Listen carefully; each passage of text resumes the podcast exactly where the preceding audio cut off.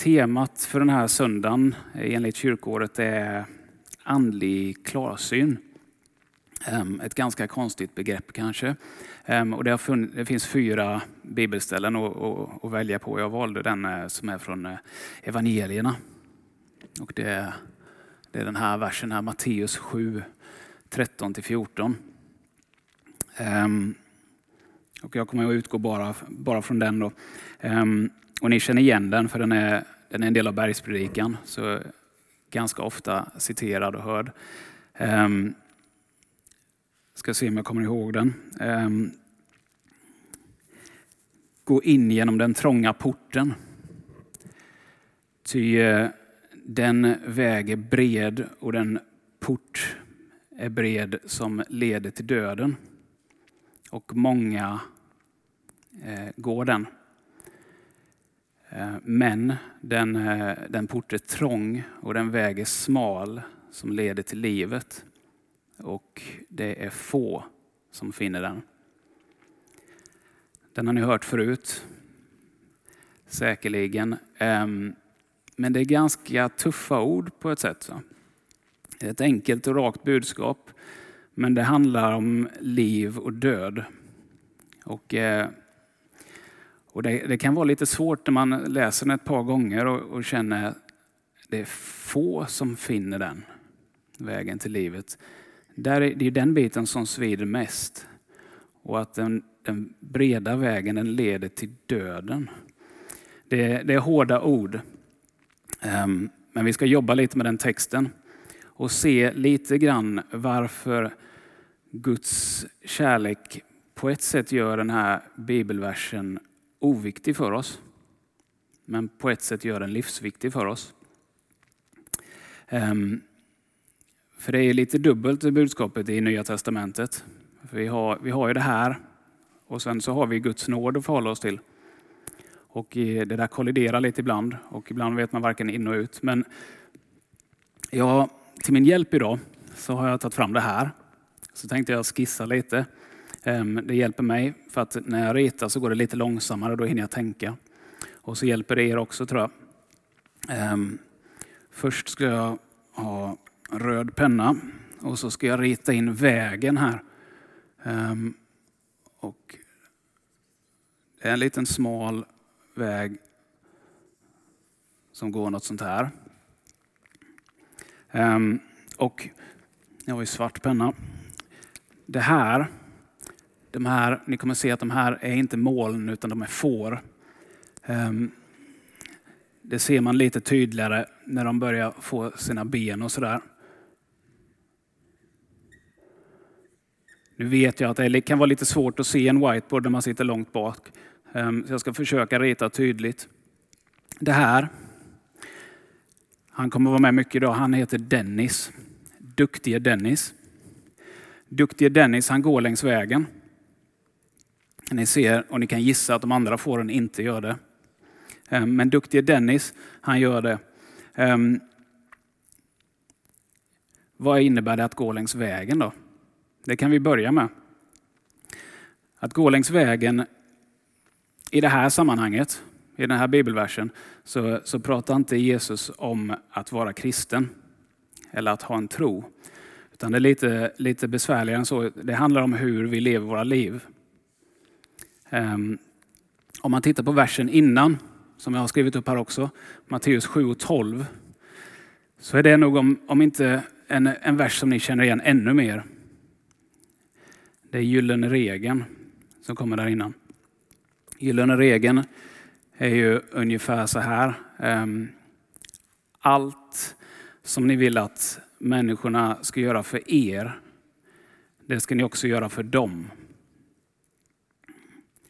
Detta är hela lagen och profeten, vad profeterna talar om. Um, och det till, till och med så om man tittar i grundtexten så, så står det, så är det mer att det, när man säger detta är lagen så är detta summerar hela lagen. Så gyllene regeln är egentligen en summa av alla bud som finns. Så det Jesus säger egentligen är att lever ni efter det här budet så har ni ett på det torra. Då lever ni efter alla andra bud som ni har fått. Och eh, jag kollade upp siffran på det. Det är 613 bud som fanns för judarna att följa ehm, på den tiden. Så att Jesus kom med ett bud och sa att det här ersätter och summerar alla andra. Det är ju jätte, det är jättetrevligt. Han, eh, han visar ju exakt hur vägen går egentligen. Han pekar ut den här vägen för oss. Så då, har vi, då är det bara att gå. Då är det jättelätt. Vi har bara ett bud att förhålla oss till. Och ganska enkelt också. Um, om jag bara försöker göra det tydligare genom att ge ett exempel. Skulle ni vilja att någon gav er en miljon? Ja, då ska ni också ge bort en miljon. Och då börjar man känna att nej, men, nej, nu skojar du lite.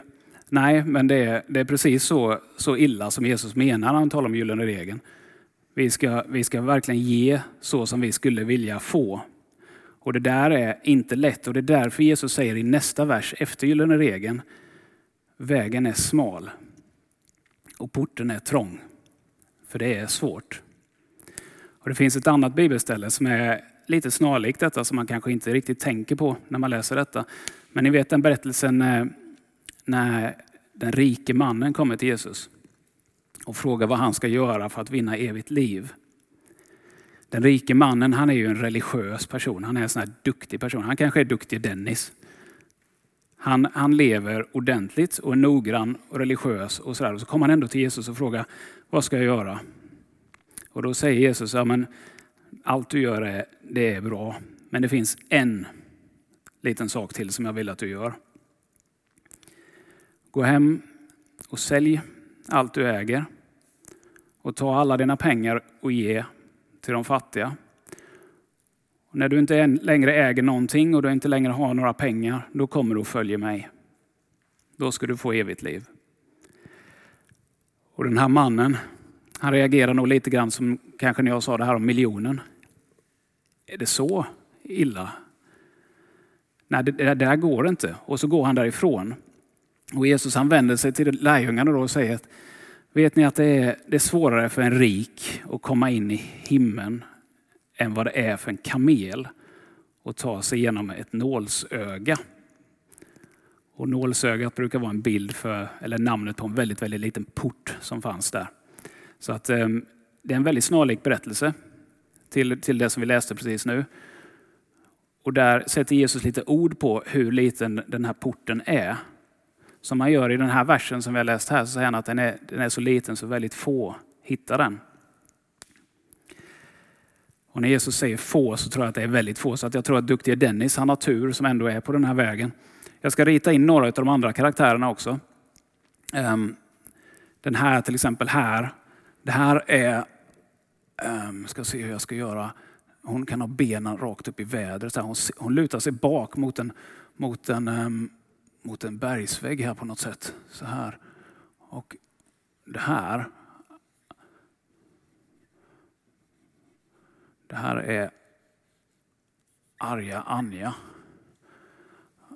Um, hon borde ha två ben till men jag vet inte riktigt vad de ska vara. Vi nöjer oss där. Um, arga Anja, hon sitter där och lutar sig. Hon är, hon är arg. Och, eh, vi har en, en kille till här. Han kan vara lite orsaken också till att hon är arg. Det här är en kille som kommer med fötterna rätt upp i vädret.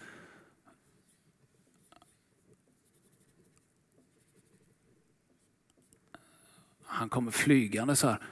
Han rumpan neråt här. Han, han heter Bombarbosse och han är på väg att träffa Anja här. Så, så Bombarbosse han är lite elak. Jag vet inte vad hans problem är, men, men så är det. Och det här, den här Den här killen, han heter Mats. Mätta Mats. För han har ätit mycket, han gillar mat. Det är nämligen så här att längs den här lilla smala vägen, det är inte mycket gräs. Det är lite stenigt och dant. Men här borta på sidorna, ja, förutom här borta, här är det lite ökenaktigt. Men här vid finns det massor med gräs. Jag skulle haft en grön penna. Ja, så att om man går på vägen så är det klart att man blir lite frestad att äta allt det här goda gräset. Till exempel Mats då. Och han slutar inte äta när han är mätt heller för den delen. Ehm, och så har vi här borta, det här, det är lycklige Lennart. Han är så lycklig, han hoppar här för att han, han älskar frihet och att hoppa i det här gräset. Han njuter av livet till fullo. Ingen kan väl vara arg på lycklig Lennart. Han är, ni får ursäkta valet av namn här, men nu blev det så. Um, ska vi se, och så har vi här nere har vi, vi får göra kanske så. Um, det här är hitta Tobbe som ligger där pladask. Och det här, den har vi ju glömt. Det här är hungriga Henry.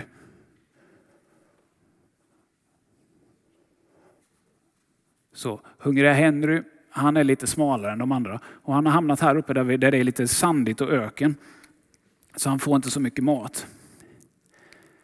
Det här är lite världen då som Jesus beskriver den. Det är få som är på den smala vägen och det är många som är på den breda vägen. Och nu är det, finns, det ingen, finns det ingen bred väg, utan det är allting. Men grundtexten är lite sån att den breda, det är ett ord som egentligen betyder gränslöst bred. Så det är, den är jättebred. När Gud tittar på det här, den här världen, så är, så är det ett problem som är hans problem nummer ett. Någonting som bekymrar Gud väldigt, väldigt mycket när han tittar på detta.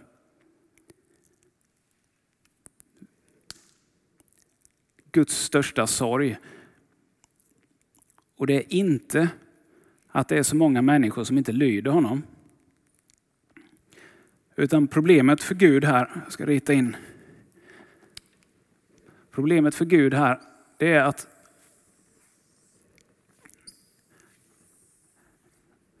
det här, alla de här, Hungrig Henry, Mätte Mats, Lycklig Lennart, alla de här är hans barn. Var och en av de här har han skapat. Var och en av de här är jätteviktiga för honom. Och alla, förutom duktige Dennis här, är på väg till döden. Och det här är ett problem som är för stort för Gud att kunna hantera. Den, det här är det största problemet för Gud i, i hela Bibeln. För det här, är, det här är mänskligheten, det här är vi. Och det här är inte okej okay för Gud. Så det Gud gör, det är att han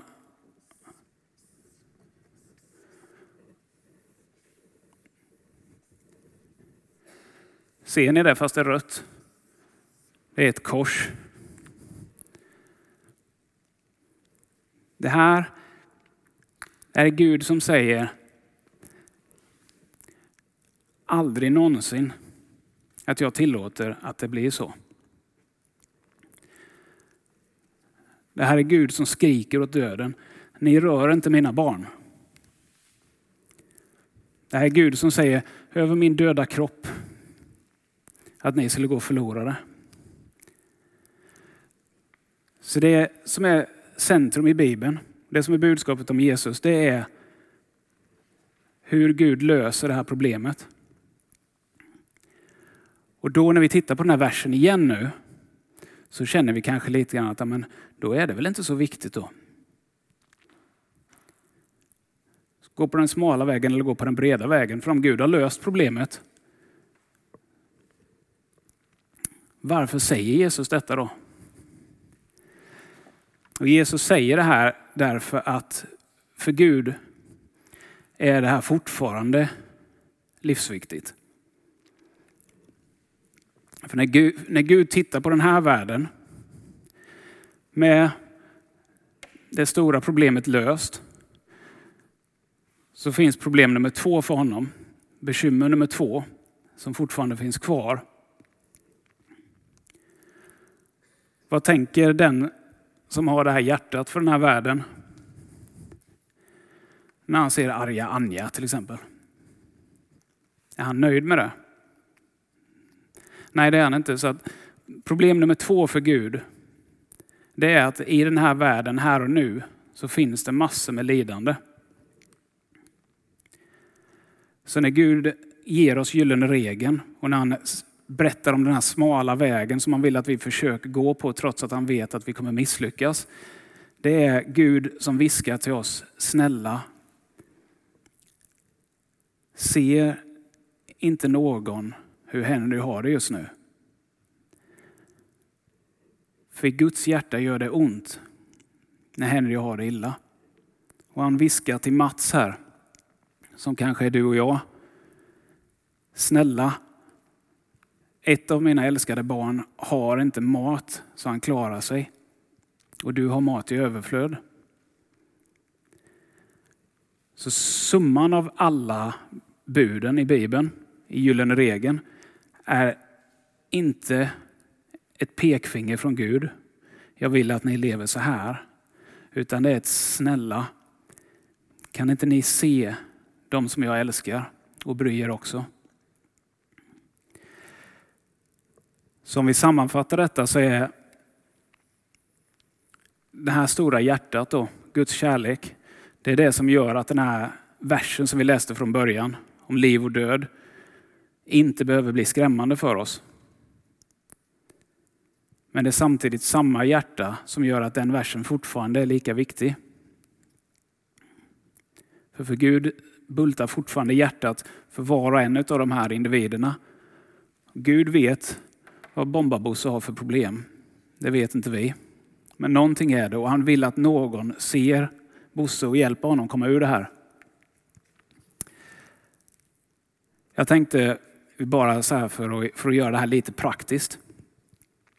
Um, om ni tänker nu i era huvuden på några personer. Um, om vi börjar med grannar. Om ni tänker era grannar, om ni kanske kommer på tänker deras namn eller tänker deras ansikten. De som bor precis närmast. Eller de som bor bortanför eller bakom eller åt andra hållet eller ett par steg bort. Och så tänker ni så här. Finns det någon av de här nu som har ett behov? Som när Gud ser på den personen så känner Gud, jag vill inte att det ska behöva vara så här. Kan inte någon hjälpa den här personen? Finns det någonting som du skulle kunna göra?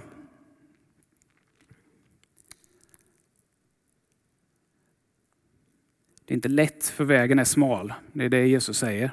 Men vi kan försöka i alla fall lite grann, åtminstone tänka tanken. Finns det någon i familjen, kanske barn eller barnbarn eller syskon. Någon som just nu är rädd, ensam, hungrig, orolig. Eller vad det nu kan vara. Och finns det någonting som vi kan göra? Ringa, gå dit, baka något. Och så kan vi ju sträcka tanken ännu längre. Till andra länder där, där Hungrig Henry kanske bor. Finns det någonting som vi skulle kunna göra för dem?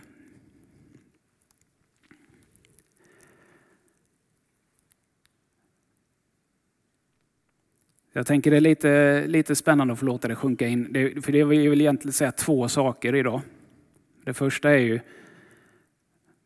vi ska aldrig vara rädda för Gud. Och aldrig vara rädda för att vi inte är tillräckligt bra. Och aldrig vara rädda för att vi inte går på den smala vägen. Vi ska aldrig vara rädda. Men samtidigt så ska vi låta Guds kärlek utmana oss och försöka bli lite bättre och göra lite mer och se lite mer det som han ser.